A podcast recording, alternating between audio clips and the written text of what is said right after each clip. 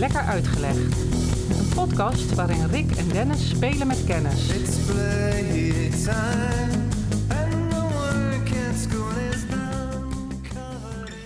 Ik ga jou iets uitleggen en misschien ga jij mij ook wel weer dingen uitleggen. Dat is altijd de verrassing natuurlijk. Maar we hebben in het verleden al wel een paar podcasts, of, of één in ieder geval. Maar misschien nog wel meer, maar dan ben ik dat vergeten. We hebben inmiddels al zoveel podcasts opgenomen. Maar eentje weet ik dat we het over Harris Tweet hadden. Klopt. Die had jij eh, meegenomen. Je kwam toen in je Harris Tweet jasje. en eh, het hele verhaal erachter heb je uitgelegd. Hebben wij nog wel eens meer gedaan met kleding of mode, accessoires of iets?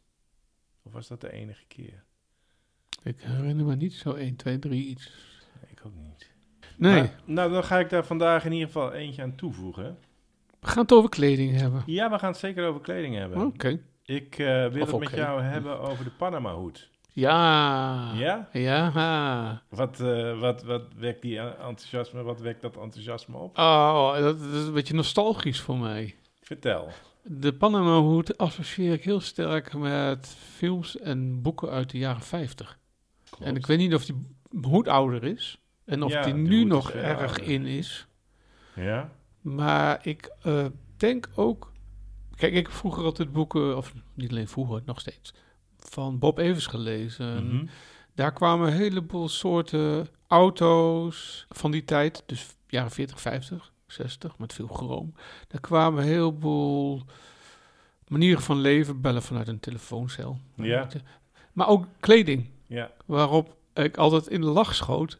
Want met name de Nederlandse, eh, voor de luisteraar, Bob Evers was een kinderboekenserie, of is nog steeds, maar het is niet zo goed meer. Maar eh, de oorspronkelijke schrijver die is daarmee in de jaren 40 eh, begonnen en tot en met halverwege jaren 60 min of meer heeft hij er 32 geschreven. En in die boeken, nou je hoort tijd, Mhm. jaren 50. De, de, de jongens, eh dat zijn drie jongens, een Amerikaan en twee Nederlandse jongens, die maken allerlei dingen mee. Grootse avontuur. Maar hun kleding is inderdaad van die tijd. Ja. Waarbij, ik moet, waarbij je moet denken aan een jasje. Ja. Het kapsel moet op een goede manier zitten. Ja. En de Amerikaan in het gezelschap, de naamgever aan de serie, Bob Evers, komt in allerlei potsende, clashende kleuren. eh, elke keer wordt hij neergezet door de schrijver. In die tijd hoort voor mij ook de Panama hoed. ja. Sigaretje erbij. Sigaretje Maar ja, erbij, ik fles bij- rotzooi gooien op straat. Bij Humphrey Bogart. Dat is dan ook wel weer iemand die, eh, zeg maar, ook wel een icoon is geworden voor die Panama hoed. Maar, eh, dus die zwart-wit beelden heb ik er dan zelf Ja. een beetje bij. Ja, Ik heb zelf bijvoorbeeld nooit een Panama hoed gehad. ik ook niet. Nee. En eh, ik ben ook niet op het onderwerp gekomen door te denken van... oh, ik ga het eens even over de Panama hoed. Ik ben met een omweg daarbij gekomen. En dat wordt duidelijk op het moment dat we bij de beide weetjes komen. Maar dan plak ik er nog een stukje aan hoe ik... Nou ja, dat, dat Mag ik een klein gokje doen? Nou ja, Iets muzikaals? Nee. Oh, ik zat Nee. denk ik ook te denken aan ehm, Kid Creole in de Coconuts. Ja, die heeft ook... Volgens mij had hij toch een Panama hoed Ja. op. Kan je de Panama hoed eigenlijk beschrijven? Kan je dat voor mij doen? Ik zie hem voor mij als een, nou, een hoed. Nou, een hoed heeft altijd eh, van de hoed en de rand. Ik bedoel, Ja. heeft, een daar weet ik dus iets van, blijkbaar. Ja, ja. Maar een hoed heeft een, eh, een, een flap, zeg maar. Ja, ik beeld het uit met mijn handen, maar dat is heel, heel, niet handig voor als je dat wilt vertellen. Ehm. Je schedel zit, zeg maar, in het dak van de hoed. Ja. zeg ik het zo goed? Ja, wat, wat is, wat, als Ik- ik zeg van noem de kenmerken van een Panama een band om het... eh, Ja, die zwarte band. zwarte band. een eh, zwarte, eh, ja. wit, witte hoed of Ja, eh, beige hoed. Ja, Ja. ja, klopt ook. En, eh, en een- grotere rand dan zeg maar een eh, hoed uit Engeland of uit. Nederland. Dat is ongeveer eh, gemaakt van, ik wou zeggen riet, maar linnen. Stro. Stro, oh, dat wou ik zeggen eigenlijk. Stro. Stro, En dat wou ik helemaal niet zeggen. Maar, via de stro ben ik erbij gekomen. Maar nogmaals, dat, dat wordt straks duidelijk. En eh, dat hoeft niet per se, maar de iconische eh, Panama hoed, die heeft ook die deukjes, zeg maar, Oh, voorin. Dat je, Ja. eh, als je Ja. hem pakt, dan pak je hem in de deukjes, zeg maar. Als je hem bij het, bij het hemel, eh, bij het dak, zeg maar, pakt. Ja, zo zie ik Kid Creole eh, ook voor mij. Ja. eh. Nou, zoals, ik ga je nog wat eh, proberen wat, wat dingen uit te leggen over die Panama hoed. Hij is eh, gemaakt dus van stro.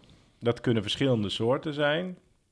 Je hebt de raffia-stro, dat is een tropische plant, daar wordt de vezel van gebruikt. Je hebt papierstro, dat is geproduceerd, dus dat zijn de neppers eigenlijk. Veel goedkoper. Je hebt hennep, de hennepvezel. Maar we hebben natuurlijk de echte, hè, die is van Panama-stro gemaakt. Bekend lokaal als de pagatokia. Pagatokia. Pagatokia, dat is een, eh, ja, een stengel eigenlijk. Een groene stengel en die wordt geoogst. Dat is ook een hele rechte stengel. Die wordt geoogst mondjesmaat, dus het gaat niet met, met duizenden kilo's tegelijk. Er worden geloof ik ook maar een paar duizend van die hoeden per jaar gemaakt. De echte Mhm. heb ik het dan over. En die wordt lang gerekt, wordt die stengel Zoals met vlas. ja, zoals met vlas worden, worden daar eigenlijk kleine stengeltjes van gemaakt. Eigenlijk een soort draden van Ja, gemaakt. ja, ja. En vervolgens wordt dat in het vuur gedroogd. Het wordt gebleekt. Pardon? Zodat het, ja, ja, ja. Het In het vuur? ja, nou, in het rook in ieder geval. Maar er wordt een vuurtje gemaakt en daar, eh, daar wordt het in, in gerookt. Nee, want anders dan... dan Maar ik ben het kwijt. Ja, dan riet. Wat, riet. Was het riet of wat? Jij zegt stro. Stro. Ja, Maar eh, eh, hoog opgeschoten blijkbaar, want... Of is het... ja. Hè, het is niet ons gras Nee, het is- wat eh, in Het is de... echt een stengel van, van, van nou, een meter, meter tot hoog. anderhalve meter. Oké. En die is echt gewoon groen op het moment dat die afgekapt wordt, afgesneden wordt. En dan wordt die vervolgens eh, ja, echt in dorpen, de, echte dorpen die helemaal ingericht zijn om die hoeden te maken. Nou worden ze tot, tot een soort van vlas gesneden en bewerkt dus in een ketel, in een, een soort oven. Ze worden gebleekt en vervolgens gaan dan meestal vrouwen, maar ook jongens en ook kinderen eh, die gaan dan aan, aan de slag eh, met, het, met het vlechten van, van de Panama hoed. Want dat is echt allemaal heel fijn eh, vlechtwerk. Wil je nog meer weten van het proces? Ja, ik kom vooral ook op de... Dat vind ik altijd knap. Hè? Ik vroeg me dat vroeger ook altijd bij sok af. Hè? Je begint een sok breed, Mhm. haken breien, weet ik veel. En op een gegeven moment moet hij zo'n hoek maken. Ja. Je tenen moeten aan elkaar zitten. Ja. En, eh, vooral ook geen sokken hebben waar dat randje bij je tenen zit. Dat vind ik Ja. heel irritant. Als je de hele tijd dat, dat ribbeltje voelt waar de sok zeg maar aan elkaar genaaid is. Dat heb ik met hoeden en met andere kledingstukken ook. Van hoe maak je die hoed of hoe... hè, dat moet ergens op gevormd worden of zo? Ja, of, ja eh, nou, dat klopt. We, als, je zegt, als je kijkt naar de eerste stap van het vlechtwerk, dan beginnen ze zeg maar in het hart bovenin eh de hoed. Bovenop en- je schedel zeg maar. Bovenop je schedel, midden, midden op je schedel. En de echte Panama hoed, die herken je daar ook aan. Want je ziet echt een, een, een gedraaid vlechtwerk Ah. vanuit dat centrum, zeg maar, vanuit je... Hoe heet dat, de atlas of zo? Nee, hoe heet dat daar eh, bovenop je kanus? Kom ik zo meteen op. De draaier en de atlas? Nee, Nee, ehm, dat is je nek, eh, dat zijn oh je wervels. dat Maar goed, precies vanuit dat, dat midden wordt, wordt gestart met het vlechtwerk. Dus daaraan kan je ook herkennen of een hoed echt is of niet. En dat doen ze op een hele grote houten stam. Of zo- ja, je, ik, ik zie het als een houten stam, maar het is een paal. Hm. En die paal is ook in verschillende maten, want zo krijg je je hoedmaat. Dus, eh, oh ja, nou, en die vrouwen die gaan heel raar gebukt over die paal hangen ze. En die vlechten dan eigenlijk dat vlechtwerkje strak over die paal. En daarmee krijg je het hoofdgedeelte. mhm. En vervolgens als ze dan zeg maar bij het punt zijn dat die flap, zoals jij dat noemt, die zijkant, de, degene wat, de zon lekker uit je nek houdt. dat zou ook wel een naam hebben, vermoed ik. Ja, vast wel. Flap. Maar, Hoed, hoedflap. De hoed. De rand. De ja, rand. de, oh ja, De van de rand. hoed en de rand. Ik wist het rand. toch. Is het? Die rand, die wordt ook, zeg maar, maar die wordt dan niet meer langs dat houten mal, zeg maar, eh, gevlochten, maar dan vlechten ze naar buiten. En het is één stuk vlechtwerk, dus het is echt één eh, geheel, De hele hoed. de hele hoed. Oh. En als die vrouw, zeg maar, de, de hoed eh, af heeft, dan ge- geeft ze hem door aan de rematador, heet dat, Spaanse naam. En die weeft de rand terug. Dus een echte Panama-hoed, die heeft ook een geweven rand. En een neppetje, dan is er zo'n rand aangenaaid, zeg maar. Of dan heb je ook nog stof aan de rand. Eh, maar deze is dus ook echt met de hand helemaal terug, eh, eh, teruggeweven, waardoor die ook zeg maar zijn kracht en zijn vorm behoudt. Dat is dus een heel belangrijk proces om die rand aan te brengen aan die, aan die hoed. De rematador. De, re, de rematador doet dat. dat is niet Eh, een gewone matador dus. Nee, nee, nee, re is terug. Dus Ja. dat is degene die hem terug, terugweeft. Ehm, de rematador die geeft hem door naar de volgende wever. En die gaat de rand eh, strak trekken. Dat is de azocador. Die heeft ook een naam. En dan komt de cortador. En eh, cortar, dat is afknippen. Hè? Als je naar, je haartjes af wil knippen, dan ga je ook naar de cortador. En eh, nou, dan ga je naar de peluqueria. Maar goed, dat is weer wat anders. Maar die gaat dan je haar eh Cortadoren. cortadoren. dan wordt het cortador. Oh man. Oh, wat een- Maar die gaat alle, alle losse eindjes gaat die wegsnijden. Dus eh, overal waar nog een stukje vlas of een stukje vezel eh, uitsteekt, dat wordt eh, door de cortador wordt dat weggesneden. Niet alles nog, niet alles. En dan gaat hij naar de apeleador, eh, nee de apaleador moet ik zeggen. Die gaat dat hele hoedje met een echt een hele grote stalen hamer, gaat hij die hoed eh, zeg maar beslaan. En zijn taak is heel belangrijk, want wat doet hij daarmee? Hij maakt daarmee dat stro eigenlijk zachter. Ja, dat dat idee hadden. Ja. Ja, en dat maakt, eh, ja, eh, geeft de unieke feel aan, aan de Panama hoed. En dan gaat hij weer terug naar de Cortador. Wat deed hij ook alweer, de Cortador? Die maakt het haar korter. in dit geval eh, het stro korter. Ja, want die gaat dan zeg maar, na dat slaan gaat hij de laatste, gaat hij nog een keertje die hele hoed langs om de eindjes eh, weg te werken. En dan gaat hij naar de planchador en die strijkt de hoed. Dus met een strijkbout gaat hij de randen en de hoed gaat hij helemaal eh, strijken, zodat alle oneffenheden eruit eh, eh, worden weggewerkt. En tenslotte, en daar komt het antwoord op jouw vraag, want hoe krijg je die vorm erin? Hm? met stoom. En daar gebruiken ze een pers voor. Dus dan gaat hij gewoon in een eh, machine, eh, dat trekken ze eh, zeg maar aan een hendel en dan komt de pers naar beneden en op het moment dat die hoed klem zit in de juiste vorm, dan wordt het eigenlijk stoom ingeperst en doordat eh, die combinatie van druk en stoom krijgt de hoed zijn, eh, zijn vorm. Blijft hij ook in die vorm En zitten. die en, vorm. en die, die- Nou, hij blijft, wacht, oh, wacht. oh, Hij blijft niet altijd in de vorm. Want wat je niet moet doen met een Panama hoed in de regen is de stromende regen. Ja, dat vermoed ik al, ja. Een Panama hoed heeft, dat is een beetje gek, heeft vocht nodig om zeg maar goed te blijven. Niet uitdrogen.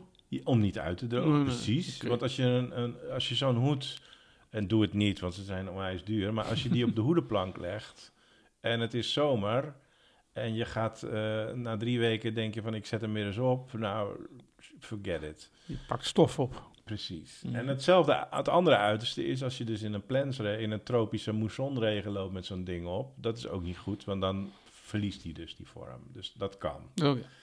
Maar het vocht wat hij nodig heeft, dat kan hij eigenlijk uit je hoofdhuid trekken. Dat zou, is eigenlijk voldoende als je hem gewoon regelmatig gebruikt. Want je zweet is een beetje en zo. En dat is eigenlijk allemaal prima. Hm. Ehm, ben je nou bang dat dat niet zo is? Dan heb ik meteen een lifehack voor de eigenaren van een Panama hoed. Dat is op het moment dat jij gaat douchen, leg die hoed even Oh. in de douchecel. Ja. Nou, niet, niet onder de douche, maar De, in de, de, de stoom. De stoom Ja. eh, precies. Want dan krijgt hij ook net weer een beetje eh, voldoende vocht om, eh, om gezond te blijven. hebben we nu het hele maken Ja, gehad? nou kunnen we hem opzetten.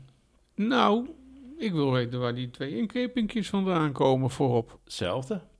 Wat En die worden in de pers, eh, met de stoompers, worden die erin gegooid. Ah, daar komen ze erin, want ze Ja. zitten daarvoor er nog niet in. Nee, nee maar en, het hangt van het model af, want je hebt ze ook zonder die inkeping. Ah, dat vind ik niet echt, om de een of Je andere hebt, reden. eh, die, dat, dat is meer wat de Engelsen in het verleden dragen. Dat waren die boters. Ja. Dat zijn die, die mannetjes in die bootjes. ja, ja, ja, de kanalen van... eh, Juist, en die hebben echt een ronde Ja. zonder die, die gleuf. eh, ik denk dan maar, ook meteen aan. Morris Dancing op de een of andere manier. Morris Dancing. Gaan we een andere keer het al over hebben? We... Interessant, ken ik niet. Nee? Nee, ik weet niet wat Morris Oh. Dancing is. Ik wil er niet een heel afleiding afleiden van het onderwerp. Maar, maar Morris Dancers, dat eh, wordt enigszins geridiculiseerd in eh, de Engelse comedywereld. En dat heeft vooral mee te maken met een uitdossing. Waaronder ook een hoed en belletjes aan hun benen. Ja, Ja, is dit genoeg even voor nu? dat is genoeg. Maar die hoed, dat is dus een boter.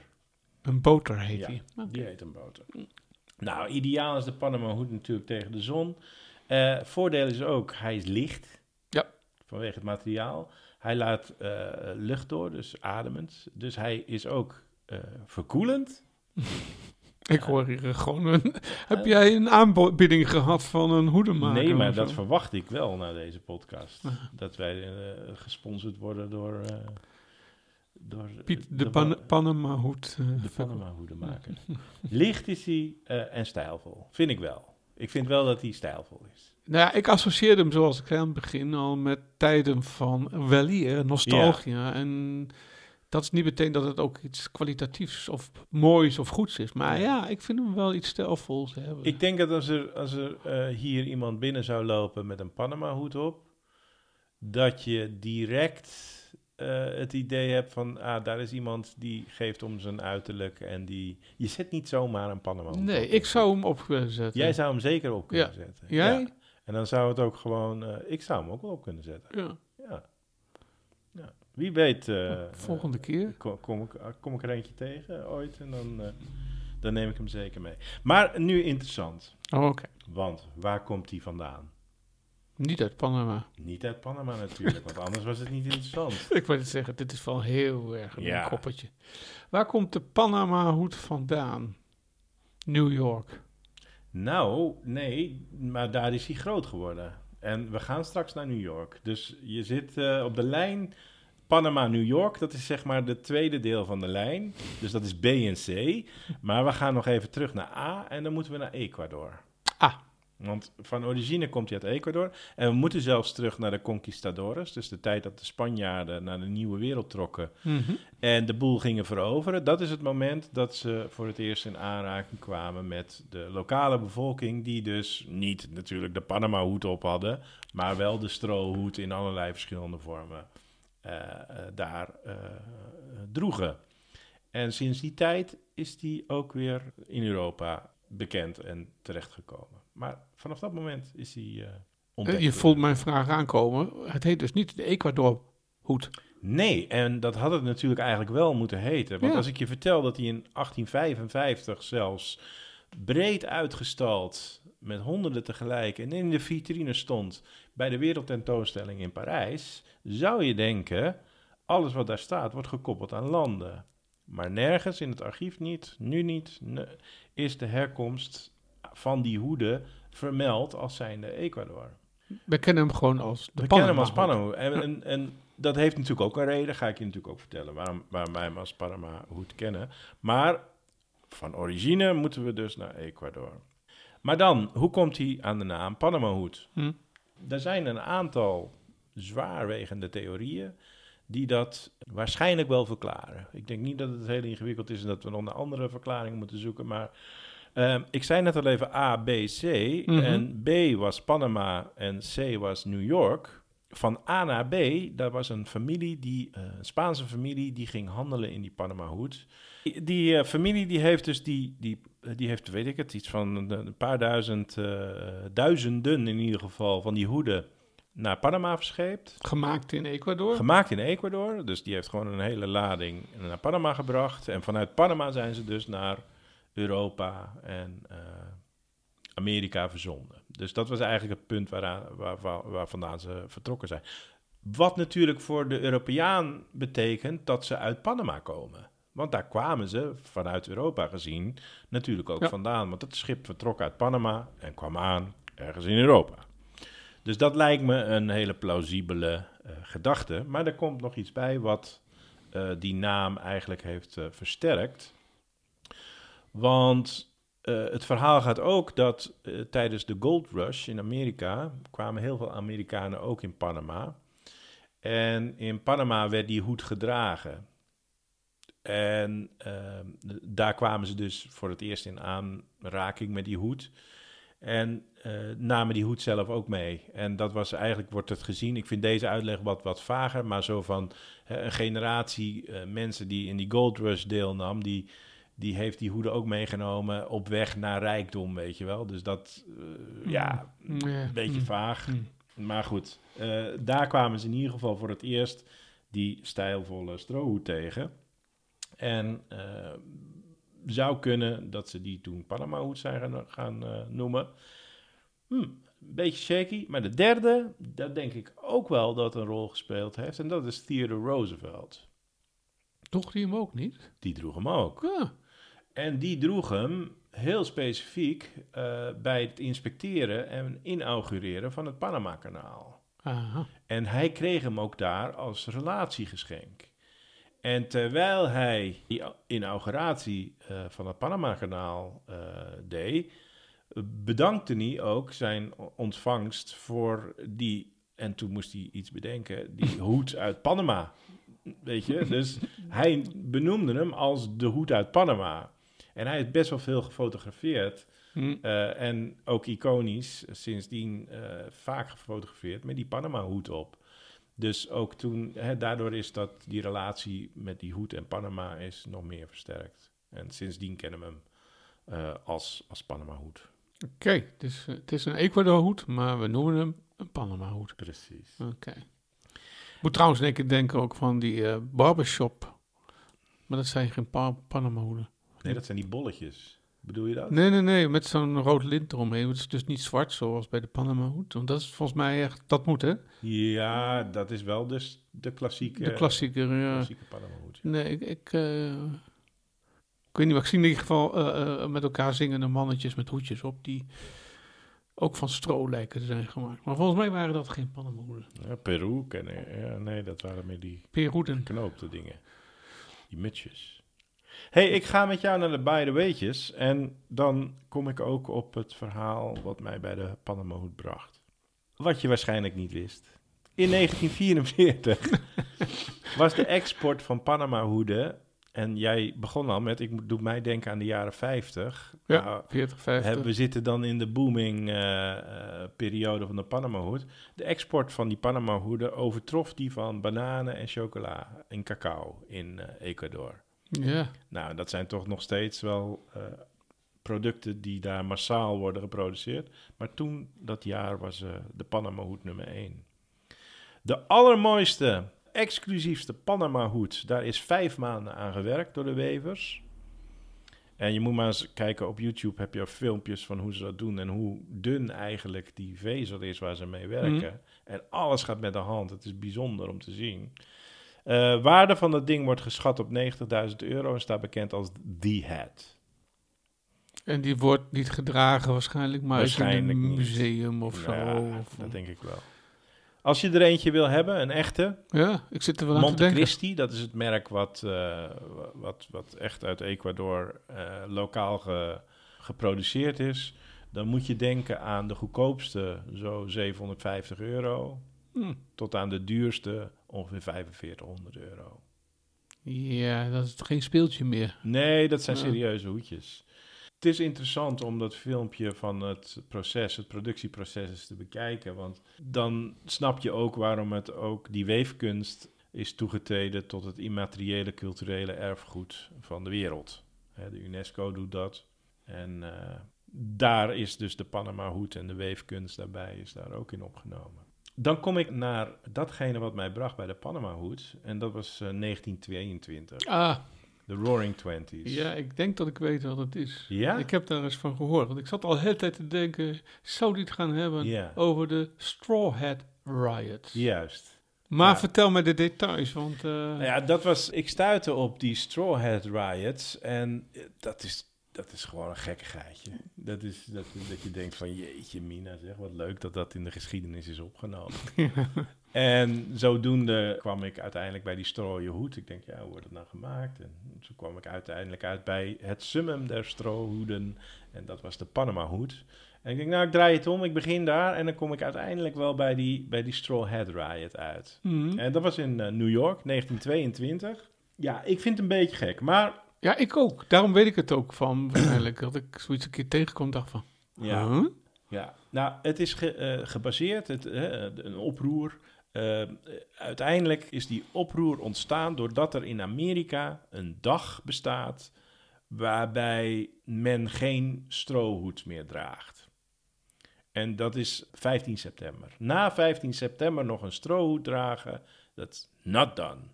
Dat was gewoon een ongeschreven kledingwet, zeg maar. En die gold elk jaar. Het was En die niet gold zo, elk eh, jaar. Was niet zo van 15 september 1922. Nee, nee, Sindsdien nee. wordt er nooit meer een... Gewoon, dat was toen eh, eh, de regel. Vanaf 15 september, alles daarna, dan, heb je je, dan draag je je filterhoed. Want 15 september is ook eh, Veldhead Day. dus hè, dan, dan wissel je je strooienhoed voor de filter. filter, ja. Nou ja, dat vind ik wel een beetje gek, maar goed, dat was in die tijd. Als je dus wel na die datum een strohoed draagt, dan werd je eh, op straat uitgelachen. Eh, er werden geintjes met je uitgehaald, je werd besmuikt, eh, de hoed werd van je hoofd gestoten, er werd opgestampt en dergelijke. Nou ja, er werd zelfs in de kranten aangekondigd, één of twee dagen van tevoren, van... Heren, let wel, 15 september komt eraan en denk erom, na die tijd Zorg dat je je strohoed op de plank hebt liggen thuis, want anders dan nou ja, kan je van allerlei eh En- ongemakkelijkheden ja. ontstaan onderweg. Maar dat was niet vastgelegd of zo. Dit was Nee. alleen maar, dat deed men toen zo. Maar het was niet eh, een soort verplichting. Überhaupt met kleding een verplichting hebben dat iedereen... Nee, het was een ongeschreven regel. Ja. Maar dat is, eh, betekende ook voor de jongelui in de straten van New York dat vanaf 15 september het headbashing begon. ja, die gingen eh, erop uit en van, oh, daar heb je er eentje. En dan gingen ze er massaal op af en dan werd dat hoedje eraf getikt.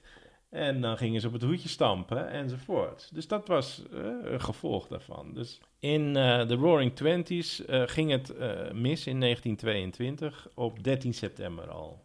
Dus het was nog niet eens 15 september. Het was te vroeg. Maar de jeugd, die had al zin in eh, eh, het, een, een avondje hoedje tik.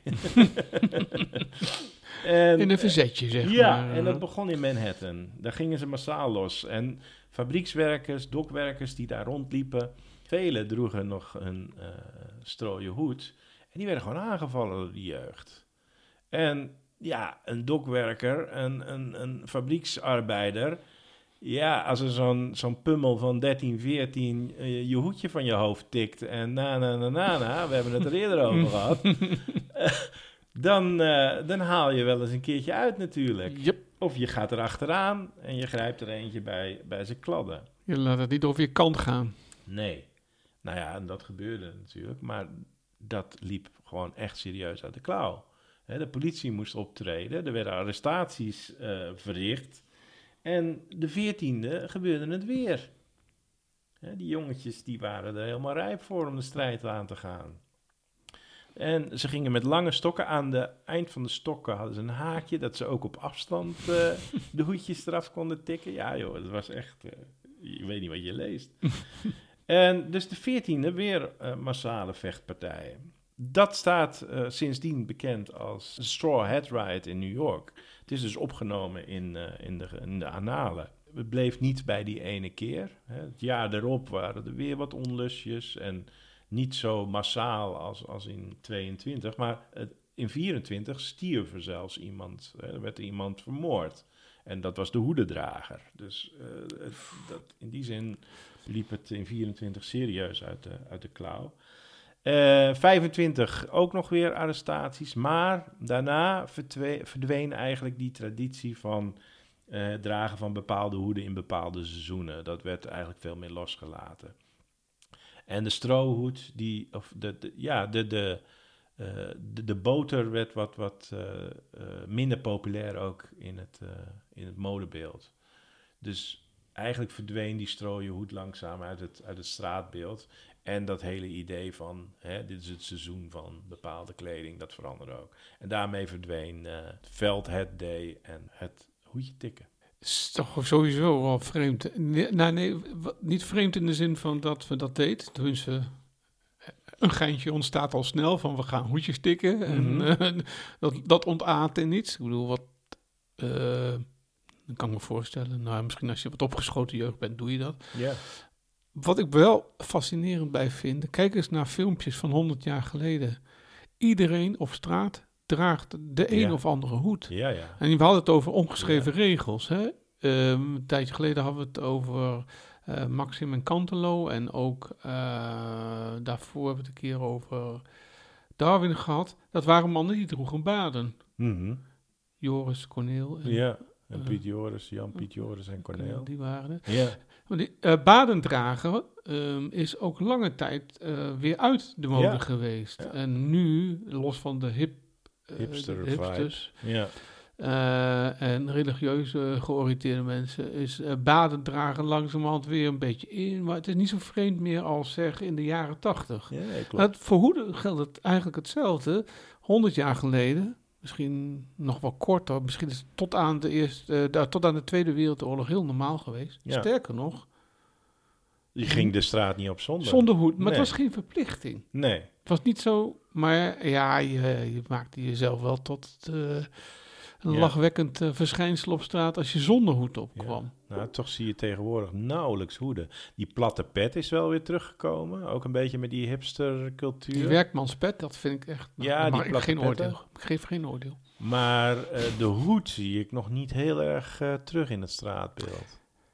Baseballpads.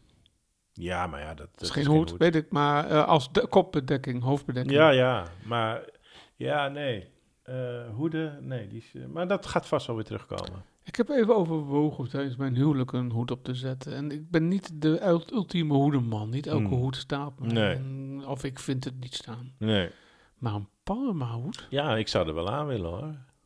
Ik vind alleen het prijskaartje... Ja, nee, we moeten, we moeten ze gesponsord krijgen. maar zo, eh so much for the straw hat. Riot.